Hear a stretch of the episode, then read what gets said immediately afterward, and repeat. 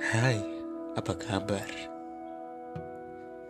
Kali ini gue mau lanjutin bacain cerita judulnya Rotasi Kehidupan karya Siti Sarah.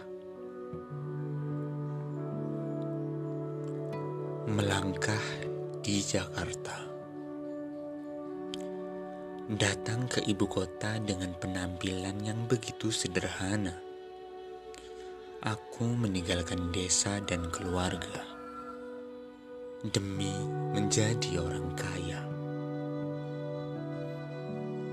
Aku berkelana ke sana kemari, menepi untuk merehatkan diri, berlanjut lagi untuk mencari rezeki. Meski lelah masih tetap menghampiri.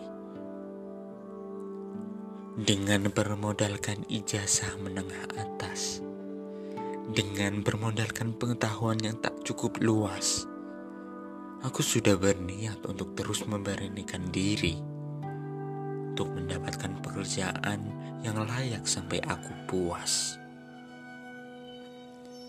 Membuktikan pada keluarga jika aku bisa, jika aku akan berhasil telah melangkah di Jakarta. Sampai aku berada di titik kesuksesan yang nyata bukan hanya hayalan semata.